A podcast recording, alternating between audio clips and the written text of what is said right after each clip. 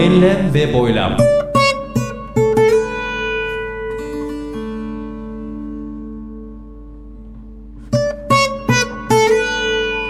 Hazırlayan ve sunan Mustafa Birgin.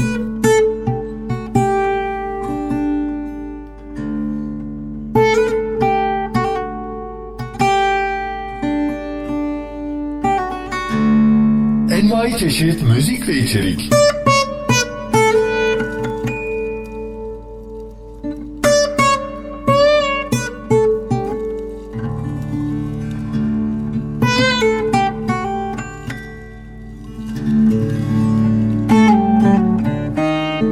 www.mbirgin.com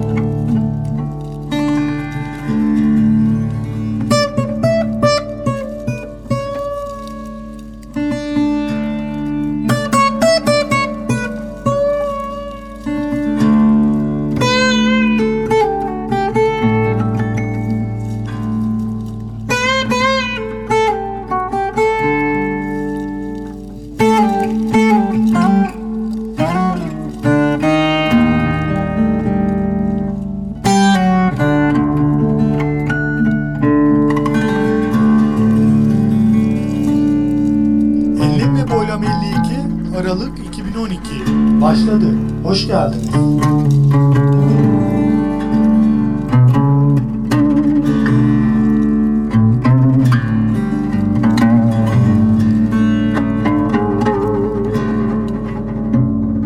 Uzun yol. Kişisel gelişim uzmanı Sefer Yeşil ile Ankara'da Kasım 2012'de gerçekleştirdiğimiz bir söyleşiye yer veriyoruz.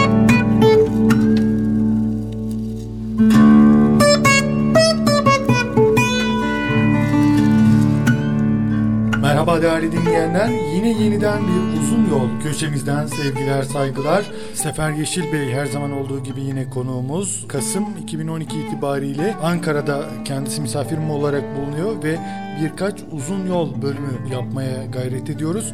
Ve bugünkü konumuz Kur'an hakikatleriyle günümüz insanının buluşmasının önündeki engeller nelerdir? Bu konuyu konuşacağız Sefer Bey ile. Sefer Bey öncelikle hoş geldiniz hocam. Hoş bulduk Mustafa Hocam. Sorumuz Kur'an hakikatleriyle günümüz insanının buluşmasının önündeki engeller. Bir kere Kur'an hakikatleri ifadesini ele almamız gerekiyor. Yani Kur'an hakikati deyince ne anlamalıyız? Yani Kur'an hakikatler bütünündeki yapıyı e, açmamız gerekiyor. Kur'an-ı Kerim'in en büyük hedefi daha önce de konuştuğumuz gibi en büyük hedefi tevhid bilincinin insana yerleştirilmesiydi. Yani tevhidin hükmünün sürmediği her yer fesada uğrayacağıyla alakalı bir e, söyleşi yapmıştık daha önceki programlarımızda. Kur'an'ın en büyük hedefinin tevhid olması bize bir mesaj veriyor. Yani soruyu şu şekilde de algılayabiliriz. İnsanımızın yaşadığı tevhid probleminin nedenleri olarak da algılayabiliriz. Yani şöyle düşünün Mustafa Hocam. Kur'an-ı Kerim insanlara gönderilmiş bir kitap olmasına rağmen günümüz insanının Kur'an'la arasında çok büyük mesafeler vardır. Yani toplum Kur'an'ı anlayamadığını düşünmektedir. Kur'an'ı anlayamadığını düşünmesinin e, içerindeki problemleri iyi anlamak gerekir. Bir kere ilk e, bu hakikatlerle buluşulmasının önündeki ilk engel cahilliktir, cehalettir. Her konuya meylettiği halde bu konulara meyletmemesi vardır mesela. Mesela hepimiz e, telefon kullanıyoruz günümüzde. Telefonun sim kartsız düşünün. Kendine has bir özelliği vardır. Değil mi? Donanımları vardır telefonun. Bu donanımlarının bir özelliği vardır ama bu sim kartsız da çalışır yani.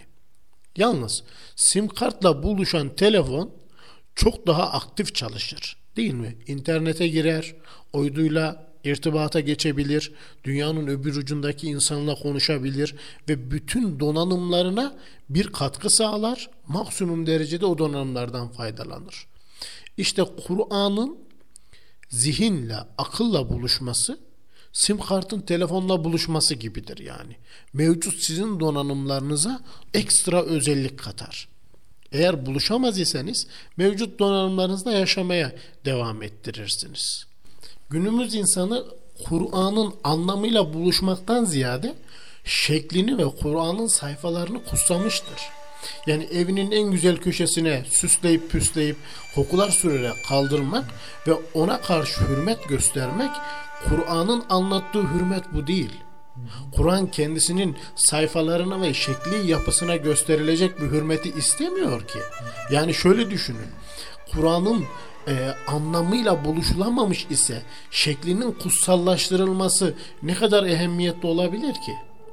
Zaten Kur'an dediğimiz kesinlikle o matbaada basılmış, o sayfalarla oluşmuş kitaba biz Kur'an demiyoruz. O musaftır. Ona musaf denir. Musafın zihinle buluşma sürecindeki zihindeki bilinçlenme olayına Kur'an deniliyor. Kur'an budur. Yaşamınızı kuracak olandır yani. Kur'an.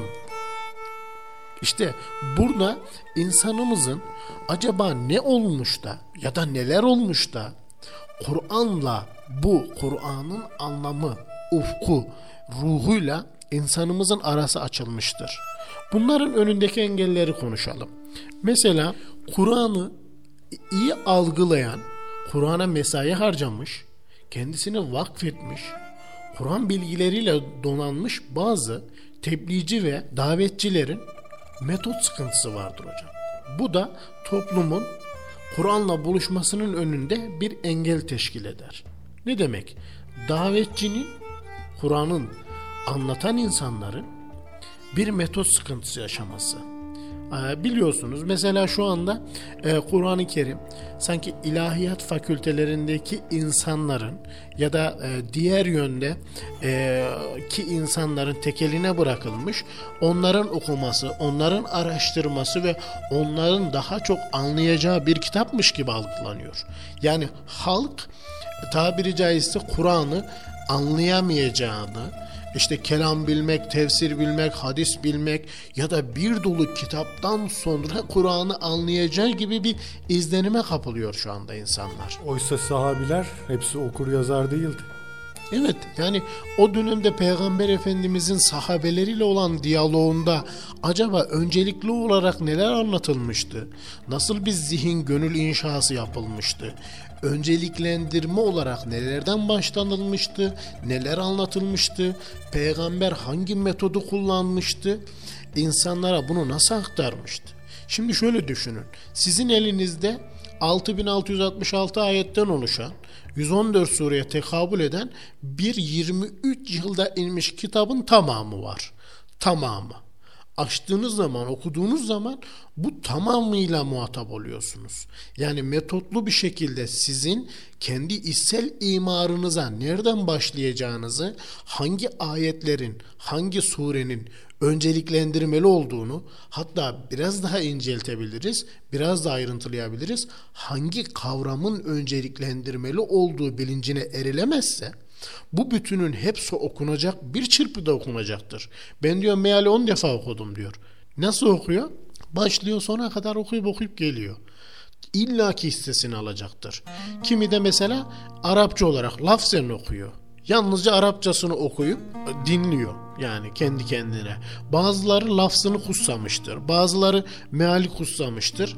Ama içerisindeki bu metodu ne davetçiler tam anlamıyla sunabilmiştir bizlere ne de biz böyle bir metodun farkındayız. Yani ne Mekke'nin farkındayız ne Medine'nin farkındayız. Zaten biz şu anda bir proje üzerinden bunu konuşuyoruz. Ne demiştik? Mekke kök bölgesine, Medine toprak üstü bölgesine tekabül ediyordu. Yani Mekke'de insanların iç dünyası temizlenmiş, yeniden inşa edilmişti. Değil mi? İman edilmişti. Medine'de sosyal hayat ve insan insan ilişkisi değer kazanmıştı. Mekke'de zihinler Allah insan ilişkisi daha ön plandaydı. Yani Medine'de yok değil. Bu anlamda söylemiyorum. Allah insan ilişkisi yalnızca Mekke'de değil. ama kök bölgesi sağlıklı oturmazsa insanın zihinde yani insan Allah ilişkisini hakikatiyle gönlünde ve zihninde oturtamazsa insan insan ilişkisinden kalite bekleyemezsiniz Mustafa Hocam. Yani Allah'tan korkmayan, Allah'tan utanmayan, Allah'tan çekinmeyen bir insanın diğer insanla olacak ilişkisinin sağlıklı olabilmesinin imkanı yoktur. Neden bunu söyledik? Bir metot sıkıntısı vardır. Erkam bin Erkam'ın evinde başlayan ve Mekke'si imar edilmiş, Medine'de sosyal hayata adaletin gelmesi için mücadele edilmiş bir metodun tam kavranılamaması. Birincisi bireylerin bilgisizliğiydi bu e, sorunun içerisinde. İkincisi davetçilerin metot sıkıntısı var. Çok şey bilmek önemli değildir. Çok şey anlatmak da önemli değildir. Önemli olan karşıdaki sizi dinleyen insanın zihninin hangi pozisyonda, hangi bilgilerde olduğunu kavrayıp onu temizleyip bir metot ile bir şahsiyet eğitimi, bir akıl eğitimi, bir ruh eğitimi verilmelidir. Bunu ne yapıyordu? Kur'an'ın en büyük hedefi olan kelime-i tevhid bunu yapar. Kelime-i tevhid la ilahe illallah ifadesi insanı önce zihnini, gönlünü temizler la ifadesiyle daha sonra illa yani gönlüne gelecek olan hak ilahın yeri hazırlanmış ve yerleştirilmiş olur. Kur'an'ın hakikatleriyle insanın buluşmasının önündeki diğer engeller mesela bir tanesi de mistizizm felsefesidir. Yani mistik bir Kur'an anlayışı, mistik bir e, ahlak anlayışı, mistik bir sahabe anlayışı Kur'an'ın e, ruhuna uygun bir anlayış değildir. Yani kişilerin efendim e, kendi kabuğuna çekilmesi, kendi nefis terbiyesi ifadesi altında toplumla bu bilgilerini paylaşmaktan ziyade kendi kabuğunda yaşaması, kimseye karışmaması. Bu, bu mistiklik Kur'an'ın ufkuna uygun bir e, anlayış değildir. E, bazı yapılar bu mistikliği telkin etmişlerdir. E, bu da Kur'an'ın insanla buluşmasının önündeki engellerden bir tanesidir. Mesela felsefi veya e, kelam e, ilmine ait tartışmalar insanların zihnini bulandırmaktan başka bir şey değildir. İnsanımız öyle hal almıştır ki itikadi yani akide yönündeki akide yönündeki hastalığının farkında değildir. Ama şu an günümüzde hangi televizyon kanalını açarsanız, hangi internet yayına bakarsanız bakın, insanlar sanki itikadi konuları bitirmişler, imanları inkişaf etmiş, teferruat konusunda derinleşmeye çalışırlar. Mesela efendim şöyle yapsak olur mu? Efendim böyle yapsak olur mu? Mesela e, bağlanır birisi 45 yaşında bir e, şahıs sakız çiğnesek orucumuz bozulur mu? Hocam şuramızı boyasak o, şu abdest olur mu? Yalnızca gusülden, yalnızca taharetten ibaretmiş gibi. Ha, şekilci. Şekil yönüyle alakalı ayrıntı ayrıntı. Hele günümüzde biliyorsunuz yeni bir farklı bir İslam anlayışıyla özellikle mistik felsefenin o Budizmi akımının ülkemize yoğun şekilde empoze edilmesi ve yanlış tasavvuf anlayışı. Bakın yanlış tasavvuf anlayışıyla diyorum. Çünkü kesinlikle yani İslam anlatan bir grup kendisine bir öz eleştiri yapmak zorunda. Kendisini öz eleştiriden geçirmek zorunda. Yani ben eğer ki şu anda e, inanç konularıyla alakalı bir araştırmaya girdiğim zaman karşıma yüzlerce farklı İslam anlayışı ya da e, her kişinin kendine ait İslam anlayışıyla karşı karşıya kalıyor ve ana konular ve ana hakikatleriyle buluşamıyorsam Kur'an'ın ve herkesin şahsi birikimlerinin İslam'mış gibi anlatıldığı bir toplumda yaşıyorsa burada çok büyük sıkıntı vardır. Davetçilerin bir metot sıkıntısı ortadadır. Yani çok şeyler bilen insanların bildiklerini bir metot, bir eğitim süreciyle anlatamama sıkıntıları vardır. İslam'ı hakikatiyle anlayabilmek bu kavramların e, hakikatine ermekle mümkündür. Yani İslam, Müslüman, mümin ve bu süreç içerisinde Kur'an'ın öne çektiği kavramlar. Yani Kur'an ilk hangi kavramlardan bahsetmiştir? Mesela bir kişi gelmiş olsa İslam'ı hiç bilmeyen yahu dese bu Kur'an'ın bana bir tek kavramla anlatır mısın yani? Bu kavram istiyorum dese bu kavram ilah kavramıdır. Neden ilah kavramıdır? Çünkü Kur'an'ın hakikatini erebilmek ilah kavramının hakikatini erebilmekten geçer. Yani bir kişi ilah kavramını hakikatiyle anlamadıysa Kur'an'daki ayetleri hakikatine ermesi beklenilemez yani. Buralarda çok e, sapıtır. Neden? Öyle bir evrende yaşıyoruz ki yaşadığımız evrendeki her varlığın ilahı bellidir. Yani her varlık cüzi irade sahibi dışındaki bütün varlıklar tek bir ilaha, tek bir kıbleye yönelmişlerdir. Ama cüzi irade sahibi varlıkların tercih edebilme özelliklerinden dolayı ilahlarını birleyebilmeleri gerekmektedir. Çünkü kelime-i tevhid birlemek demektir. Evrende müthiş bir tevhid okyanusu vardır. Yani insan evrendeki bu tevhid okyanusunun içerisindeki bir balık gibidir. Yani evrende kesinlikle şirk yoktur. Şirke düşebilecek bir mekanizma da yoktur. Hani ne demiştik hatırlarsanız ağacın, börtünün, böceğin, bedendeki bütün donanımların ilahı bellidir. Onlar tek bir ilah doğrultusunda varlıklarını devam ettirirler.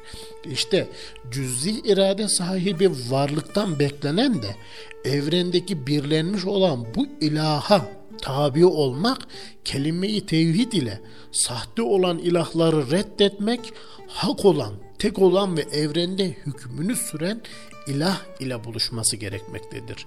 Günümüz insanı ne yapmakta? Daha önce de hani ibadet kavramını sizinle açıklarken ne demiştik? İnsanın camideki ilahı, insanın ibadetteki ilahı ile insanın yaşamının diğer sahasındaki ilahı aynı değil. Farklı. Yani kendisi ibadet adını verdiği süreç içerisinde ve camide bir ilaha secde ederken, bir ilaha ruku ederken yaşamının farklı sahalarında birden fazla ilah edinmektedir. O yüzden sahte ilahları reddetmeli, hak olan ilahı birlemelidir. Bunu neden söyledim? Kur'an'ın kendi içerisindeki kavramların dejenere edilmesinin önüne geçilmelidir ve Kur'an'ın kavramlarının önceliklendirme sırasından bir metot çıkartılmalıdır. Hangi kavramlar önce öğrenilmeli, hangi kavramlardan sonra neler öğrenilmelidir? Bu metotta peygamberin yaşantısında vardır zaten. Kur'an'ın ilk nazil olan ayetleri incelenirse neler önceliklendirilmiş, neler sonraya bırakılmış çok çok konuştuk. Mesela oruç, zekat, hac, domuz etinin yasağı, zinanın yasağı, alkolün yasağı Mekke'de mi gelmiştir, Medine'de mi gelmiştir? Medine dönemine ait yasaklardır. Peki Mekke'de yapılan çalışma neydi? Kelime-i tevhidin zihinlere ve gönüllere yerleştirilmesiydi. Kelime-i tevhid kendi içerisinde red ve kabulleri barındırırdı. Yani la ilahe kısmıyla sahte olan ilahları reddetmeliydik ve illa Allah kısmıyla hak olan ilahımızı kabul etmeli ve yaşamımızın bir bütününde bu ilahın istekleri doğrultusunda yaşamalıydık. Neydi konumuz? Tevhid problemi. Yani Kur'an'ın hakikatleriyle insanlar niçin bulaşamıyor? İşte davetçilerin metot sıkıntısı vardır. Televizyonda mesela açtığımız zaman bir tefsir dersiyle, bir hadis dersiyle karşılaşıyoruz. Karşımızdaki hocamız canımız feda olsun. Çok güzel hocalarımız var. Hepsinden faydalanıyoruz. Ama toplum artık e, dini konular tarafından uyuşmuş durumda. Yani toplum böyle nasıl söyleyeyim din konusu onu böyle e, mücadeleye sevk eden, onu şahlandıran ve dinlediği zaman zihninde şimşekler çakan bir konu olmaktan çıkmış. Toplumun böyle bu konuları dinlerken e, uyuşmuş, sorgulayamayan, e, yani hadisin gerçekliğiyle, e, sahteliğiyle hiç farkında olmayan, karşı tarafta efendim şu alim bunu dedi dediğiniz zaman hemen bütün e, gardı düşen, savunması düşen, ha o alim dediyse bilir kardeşim biz ne biliyoruz ki cahiliz diye kabuna çekilip karşı taraftaki kişileri kutsallaştırma, onları insan olma vasfından çıkarıp onların da hata işleyebileceği düşüncesi insanımız zihninden çıkartılmıştır. Bu da büyük bir problemdir. Kendisi araştıran, kendisi inceleyen, hadislerdeki, sünnetteki ve ayetlerdeki o ahengi, o güzelliği kavrayan insanlardan ziyade şu hoca bunu dediği dediği zaman hemen o dediyse doğrudur deyip kabul eden insanlarımız vardır. Sonra ne olmuştur? Mesela biz Türkler olarak Türk inanışların kalıntıları, geleneğin, atalarımızdan aktarılan mirasların vahyin önüne geçtiğini şu an toplumda görebilirsiniz yani. Ben çevreme baktığım zaman konuşulanların yani çok büyük bir kısmı vahiy olmadığını, peygamber hadisi olmadığını, Kur'an ayeti olmadığını, hurafelerden ibaret olduğunu, efendim e, bazı insanların birbirine aktarma bilgilerinin olduğunu gayet net görebilirsiniz yani. Bunun böyle yapılmasının en büyük e, etkeni nedir? Yani toplumun yüreğinden, zihninden vahyin sökülüp alınması, vicdanın sökülüp alınması ve yerine kalıntı olan böyle geleneksel yaşantının vahyin önüne geçmesinin sebebindeki sebepler ne? Bunları konuşmak gerekiyor. ezberci bir anlayış e, gelmesi neden yani birileri bir şeyleri bize yani sorgulamayı kötü bir şeymiş gibi ya da sorgulama yetilerimizi kullanmamamızı öğütlüyor sanki yahut da öyle alıştırılıyoruz ki artık hiçbir şeyi sorgulamıyoruz. Sorgulamaktan korkuyoruz. Yani en başta dediniz ya işte uzaklaştırılıyoruz. Kur'an'dan uzaklaşmışız. Temel rehber kitabımızdan uzaklaşınca zaten bir kaynağımız yok. Bir şeyi eleştireceğiz tamam ama neyle kıyaslayacağız? Onu bilmeyi bilmiyoruz ki. O yüzden bizim referansımız e, olmayınca işte hep kulaktan ne duyuyorsak işte o böyle dedi, şu böyle dedi. Bunları birbirine de bağlayamıyoruz zaten. Aralarındaki ilişkiyi de kuramıyoruz. Dolayısıyla onu ayrı, bunu ayrı. Daha sonrasında işte yani birileri bir şey dediği zaman neyle kıyaslayacaksın ki abi? Yani ortada referansın yok. Bir referansın olacak ki bir şeyleri kı- onunla tabi tutacaksın diyeceksin ki ey referansın bu doğru mu yanlış mı? Ama e, dediğiniz gibi galiba birileri bir şeyleri yani özellikle bunu yapıyor. Referansımızla asıl e, referansımızla aramızı açıyorlar ve çok güzel nokta o mesela hocaları kutsamak ya da onlara e, değer atamak. Eyvallah değerlidir. Bize hani Hazreti Ali diyor ya ya da Hazreti Ali'ye e, atfedilen bir söz vardır işte bana bir harf öğretenin 40 yıl kölesi olurum diye. E, eyvallah bize çok şey öğretiyorlar ama bize kaynağını öğretsinler bence. Yani armut piş ağzıma düş değil de bize kendimizin sonuca varmak için bir şeyler yapabileceğimizi telkin etmeliler ya da bize onu aşılamalılar gibi. Biz çok pasif durumda kalıyoruz gibi. Tabii e, burada e, bireyin gayreti çok önemli Mustafa Hocam. Yani birey e, eğer ki bu konuları e, yaşamının e, bir bütününün ibadet olduğunu, yaşamının bir bütünün de dinin içerisindeki olduğunun farkında olmaz da eğer yaşamını dini konular veya sosyal konular olarak ibadet veya ibadetin dışı gibi algılarsa burada problem yaşar. Yani ne demek istiyorum? Dini konular diye bir konu yoktur. Yani dini konular de, denildiği zaman yaşamın bir bütünü kastedilir. Yani yoksa e, bazı hocalar efendim gidiyorsunuz bir itikatla, akideyle alakalı soru soruyorsunuz. Diyor ki ya o, o alan benim alanım değil. E, ilahiyatçı diyor Ahmet Hoca var, Mehmet Hoca var. Ona git. Yani sorduğunuz soru mecbur, zaruri, bilinmesi gerekli olan bir soru bile olsa toplum diyor ki şu hocaya soralım, bu hocaya. Ama kardeşim o bir hocaya sorulacak bir soru değil. Senin bilmen, kavraman, içselleştirmen, müşahede etmen gereken bir konu yani. Hani sorulup cevabına alınacak sorular da vardır. Bunu demiyorum yani. Hani iştihata ait konular vardır. Bu konular gerçekten zamanı okuyabilen ve geçmiş zamanlarla günümüzü birleştirebilecek bilgi potansiyeline sahip bir heyet tarafından cevaplanması gerekli olabilir böyle bir heyet tarafından o sorunun cevaplanması gerekli olabilir. Ama şöyle düşünün. 10 gün kalmış bir hastanın sakalıyla bıyığıyla uğraşmasını e, hiç gör, gördünüz mü siz? Ya da diyelim ki hanımı vefat etmiş bir adamın ayakkabısının boyasıyla ilgilendiğini gördünüz mü? Bedene bile baktığımız zaman e, kesinlikle zaruri olan bazı organlar vardır ama olmazsa hayati tehlike yaşamayacağımız organlar vardır. Mesela saçınız dökülmüş olsa, kiprikleriniz dökülmüş olsa, efendim cildinizde bir yaralanma olsa bu hayati bir problem değildir ki. Bu hayati bir problem değildir. Ama sizin iç organlarınız zarar görmüş olsa ya da hayati organlarınızdan bir tanesi zarar görmüş olsa bu çok daha tehlikelidir. Ağacın kökleri çürümüş, ağaç yıkılmak üzere siz ağacın dallarını buduyorsunuz, efendim ilaçlıyorsunuz. Ya da bir bina düşünün. Binanız çökmek üzere, kolonlarından çökecek neredeyse. Siz çıkmışsınız, evinizi badana yapıyorsunuz. Efendim tablo asmaya, trilyonluk tabloyla evinizi süslemeye kalkıyorsunuz.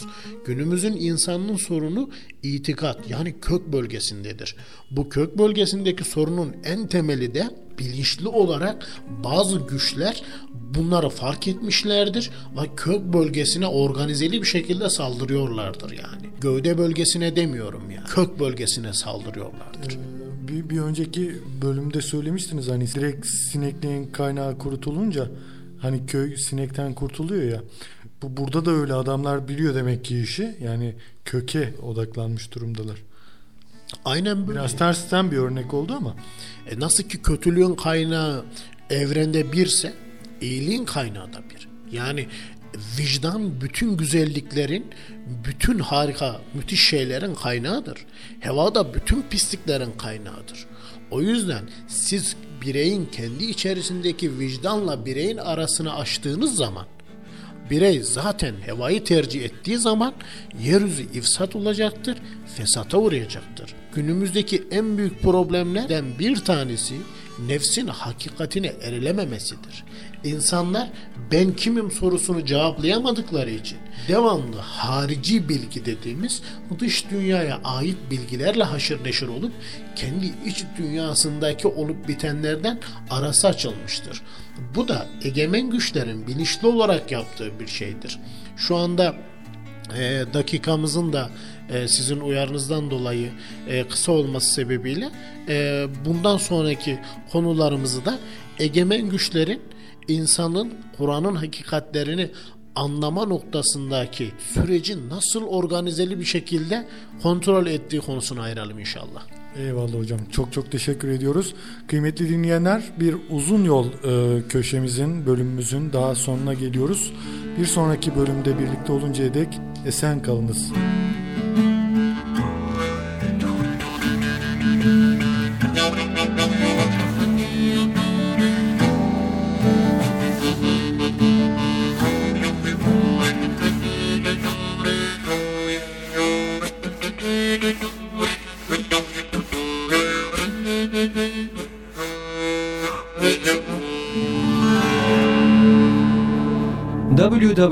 www.mbirgin.com Enlem ve Boylam 52 Aralık 2012 bitti. Esen kalınız.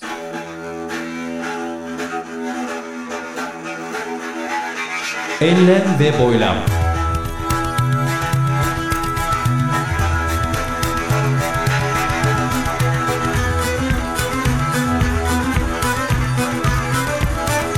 Hazırlayan ve sunan Mustafa Birgin.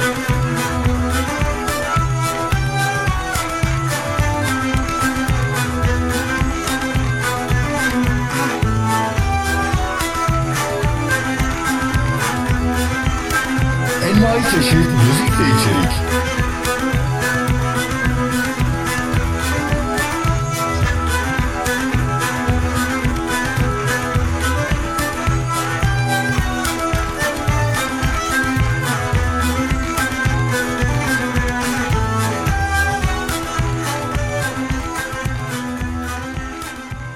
Aralık 2012